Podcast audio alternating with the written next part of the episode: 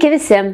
Susitinkame podcast'e Aš tik paklausti, kur kalbame su kineziterapeutė Elena Bučia. Sveiki visi, labai malonu, kad pakvietėt. Ačiū Jums, kad sutikot pasikalbėti.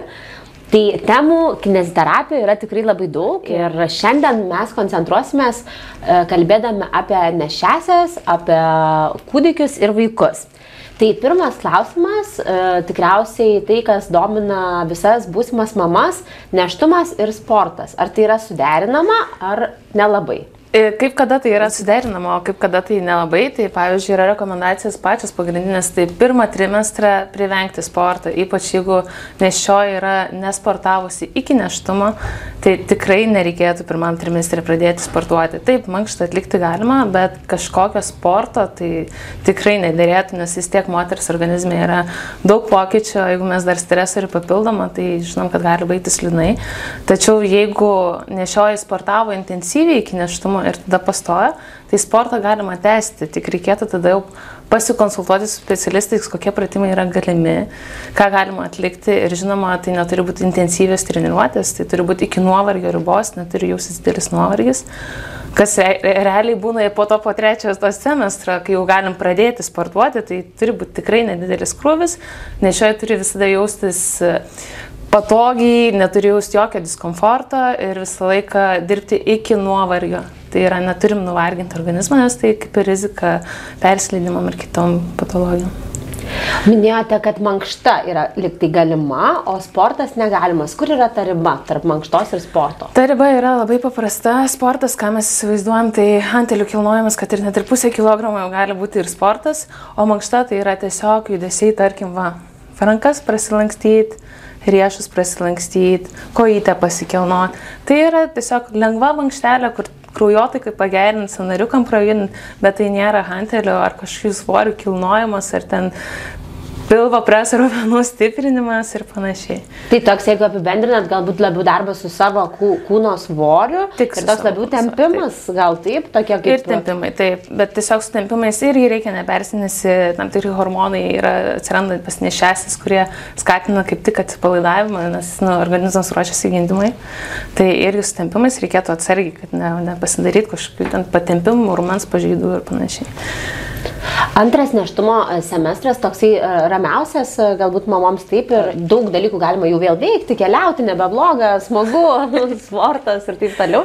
Tai ar yra kažkokių rekomendacijų šiam periodui, ar reikėtų kažko pasisaugoti, ar galima jau taip intensyviau sportuoti? Visada reikia pasisaugoti, nes vis tiek suprantam, kad tai neštumas jau nebėra ta kasdieninė mūsų kūno būsena, taip.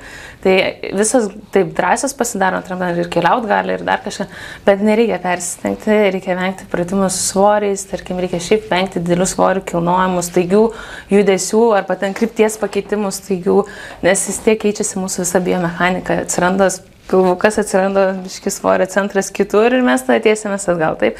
Tai net ir antrą trimestrą, kuris, kaip mes sakom, saugus, na jis nėra vis tiek toksai saugus, kad mes galėtume kilnoti maišus ten ir, nežinau, bėgti maratonuose. Šio laikinėms mamams labai sunku, jeigu esi pripratęs bėgti, sustoti gali būti sunku. Aš vis tiek rekomenduočiau tada jau nebe už save atsakai, jau taigi jau esi nebe vienas, jau esi dviese, tai jau turi galvoti ir apie tą mažą kutikėlį, kad jį, jam būtų gerai. Tai geriau išeiti pasivaikščioti, negu maratoną bėgti. Tikrai taip, pritariu specialistų, visada klausom. O, o ar ten neštumui, e, ar ten tai gimdymui, e, tai e, kaip ten, gal yra kažkokio pasiruošimo, pavyzdžiui, pratimai, kurie palengvintų gimdymą, ar yra kažkoks būdas save sustiprinti ir tam pasiruošti? Gimdymą gali palengvinti kvepavimo mankštas, nes gimdymo metu tikrai reikės kvepuoti. Ir jeigu mamte mokės kvepuoti taisyklingai ir bus padarius kvepavimo mankštas, tai bus labai gerai. Labai daug kas šneka, kad reikia daryti kėgelio pratimus. Tai neštumo metu reikėtų nepersistengti su kėgelio pratimais, dėl to, kad jeigu mes perspaudžiam, gali sušokti raumenukais, trumpėti ir bus sunkiau gimdyti tokiu atveju. Tai reikia daryti, bet neperžengti ribos. Tai yra sveikai, ne per daug. O jau po gimdymo galėsi daryti daug ir nuobodžiai. O papasakokit plačiau apie kėgelio pratimus, kas tai yra, kaip jie. Tai yra mažo dubens dugno raumenų aktyvinimas, yra naudojamos įvairios metodikos iš tikrųjų nupasakoti tai yra labai sunku, čia yra ganėtinai labai individualu ir šiaip tai jau moteriškas dalykas, nes yra dirbama grinai su intimiais raumenim, ta prasme, kad jų stiprinimas, nes vis tiek na, galim garsiai prabilti, kad po gimdymo vis tiek atsiranda ir ta šlapinimosi problema, kad nelaikymas ir toliau, mhm. tai kėgelio pratimus vis tai galima sutvarkyti. Tik jau po gimdymo reikia dirbti intensyviai su tais pratimukais. Tai mamom iš anksto, žodžiu, nereikia, čia kaip mes norimgi viską iš anksto pasiruošti ir prisportuoti iš anksto. Iš anksto reikia palaikyti, kad jie neatsipalaiduotų visiškai, nes vis tiek yra spaudimas labai didelis, skaičiai, vaiko svoris, viskas sveria ir visą tai duoda spaudimą mažo dubens raumenis. Tai faktas jie išilgė, tai sveikai darant kėgelio pratimus iki gimdymo, viskas yra labai puiku, labai gerai, nes po gimdymo greičiau atsistatysi, tikrai taip. Bet persistengti negalima, nes jeigu moteris persingia ir ten daro vos net tris kartus per dieną tos pratimus, kegelio, taip, tai labai didelė rizika, kad tie raumenys jie susitrauks ir po to, kai jau reikės, kad jie atsipalaiduotų, jie apsunkins gimdymą tiesiog. Taip. O, o kalbant apie uh, neščiasias, taip ir, ir taip. profesionalius kinesterapijos užsiemimus, tai kada tas va, būtų saugus laikas pradėti, kada reikėtų pradėti, gal yra kažkokie simptomai, kurių sulaukus jų mamos turėtų uh, tikrai kreiptis, ar čia tiesiog savo malonumui ir savo sveikatos profilaktikai labiau skirti, skirti užsiemimui? Šiaip tai aš rekomenduočiau pradėti profilaktiškai sportuoti, nes vis tiek, kaip jau minėjau, yra centras biomechanikos pasikeitimas, svorio centro pasikeitimas, ko pasiekoja pilvo raumenis, jie išilgėja, mhm. nugaros trumpėja ir užsispazmuoja, ką reiškia tai, kad mes galimai turėsim nugaros skausmus, kas yra labai dažnas atvejis neštumo metu. Tai kol nėra skausmų, jeigu mes pradėsim tos raumenis ištemti, kitus raumenis aktyvinti, mes pasilengvinsim ir galbūt mums pasiseks išvengti neštumo be nugaros, kaip išvengti neštumo su nugaros skausmu. Mhm. Tai yra būti beskausminė padėtyje. Tai, Tai tikrai vertėtų, o jeigu yra skausmas, tai faktas, kad reikia, nes nugarytę dažnai skauda ir ypač asmeninė dalis moteriam. Po to, aišku, po gimdymo, ten nuo vaiko nešiojama kitas vietas, pradeda skaudėti. Visą kūną? Visą kūną praktiškai. Bet e, šiaip juosmenį tikrai reikėtų atkreipti dėmesį, vis tiek dėl svorio centro tikrai kaip. Tai turime tą laukimo gražų laikotarpį, taip su savo uh, specifika.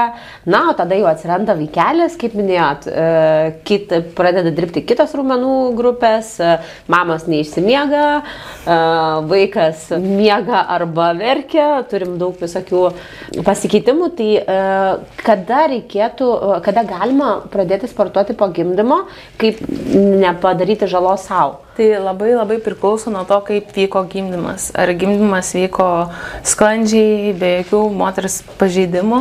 Mhm. Tai jeigu tai vyko sklandžiai ir be jokių pažeidimų, tai ne anksčiau kaip keturios savaitės po gimdymo galima pradėti mhm. sportuoti. Jeigu tai yra cezaris, ne anksčiau kaip šešios savaitės po gimdymo.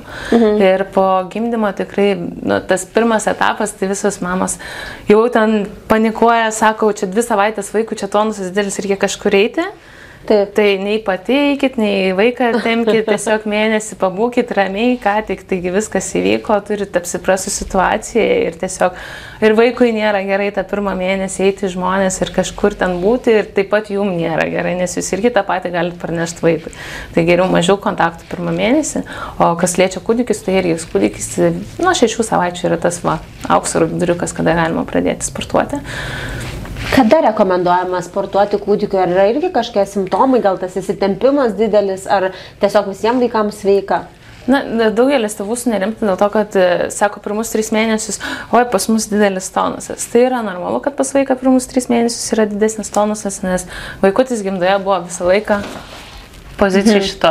Ir ko mes norim? Mes norim, kad jisai per mėnesį iš karto pasileistų, taip nebūna. Tai žinoma, mankštom galima paspartinti tą tonus atsipalaidavimą, kas yra gerai vaikui jis ir taip ramiau miega po mankštos po to. O daugiau kitos indikacijos, kada reikėtų sunerimti, tai dažnai vaikas nuguli C formą gimdoj, tarkim, būna va tokios mhm. pozicijos.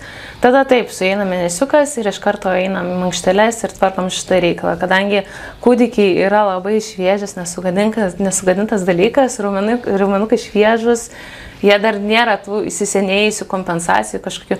Tai realiai dažniausiai užtenka kelių mankštų ir vaikas jau va, stovi tiesiai, taip, nustovi, guli tiesiai. Mm. Tai dar viena iš tokių dalykų tai būna kreiva kaklystė, kas irgi labai išgazina tėvus, bet kartais ta kreiva kaklystė būna dviejų dienų, nes vaikus tiesiog kažką užmatė iš šoną. Mm. Tai visą laiką reikėtų stebėti kaklo raukšlės, ar abiejose pusėse yra vienodas. Jeigu vienoje pusėje yra didesnė raukšlė, tai jau reiškia, kad tą jau reikia tvarkyti tikrai. Jau reikia į mankštas irgi, į masažus ir visą tai irgi labai greit susitvarko iš tikrųjų. O ar kinesterapeutas gali e, įvertinti vaiko e, laikyseną, reikėtų kryptis į gydytoją ortopedą ar tik tai tada keliauti sportuoti? Nu, gali tiesiai pas kinesterapeutą, nes tikrai viskas labai aiškiai matosi ant mažų vaikųčių ir tai yra mūsų specialybė ir mūsų specifika būtent tą daryti.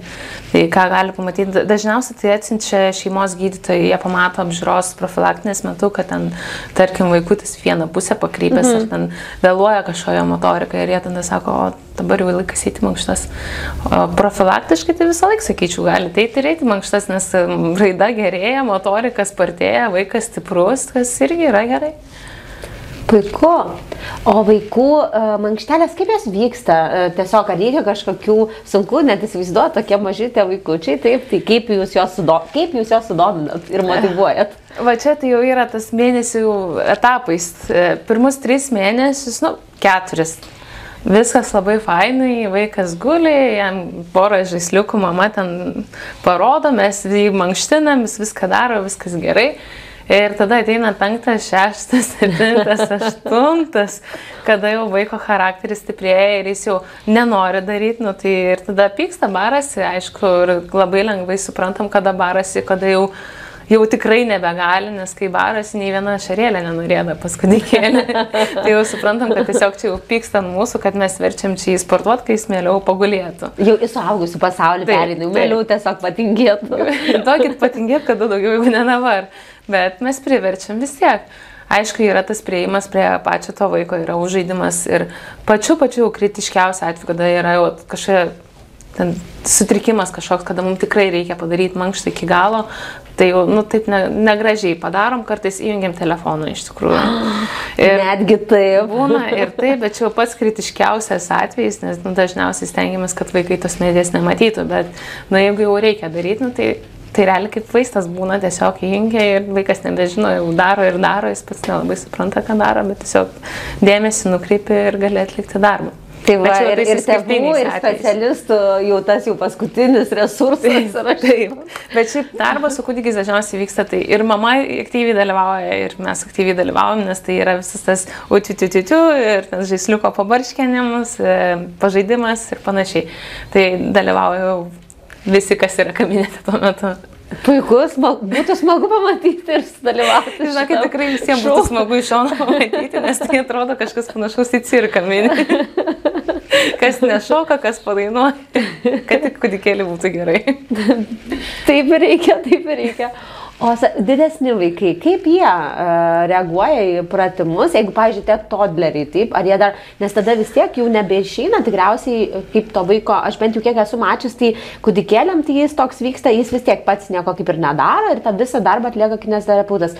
Kada yra ta riba, kada jau pereinam, kada jau pats vaikas turi kažką daryti, ar tai ten šokinėti, ar tai... Šiaip tai, bet klysta šitoj dalykai, kad kinesterapeutas viską padaro pats už vaiką, ne, mes tiesiog pasatome į padėtį, kad jis keltų galvą tarkim, kad jis sėstusi, mes tiesiog inicijuojam judesi, o visa kita tai vaikas daro, jisai kūdikėlis jau irgi sportuoja.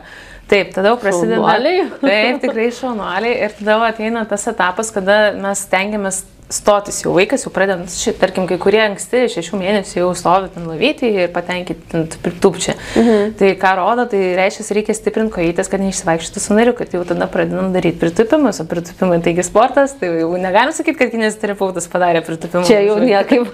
tai tai va, iki metų va, dar įmanoma, o Jau virš metų tai yra labai specifika dėl to, kad tai yra labai didelis, turi būti nu, kontaktas, prieimas prie vaiko, nes vaikai tokiam atveju, ta ankstyvoji paauglystė, ne, ne, jeigu jau užneka, nedarysiu, mhm. ne, ir tiesiog viskas vyksta tada per žaidimą. Tiesiog žaidimo principų, įvairūs tuneliai, viskas ir tiesiog žiūrima.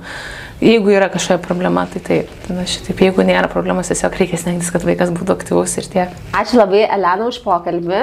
Sužinojau tikrai labai daug ir, ir tikiuosi, kad buvo įdomu ir mūsų klausytojams.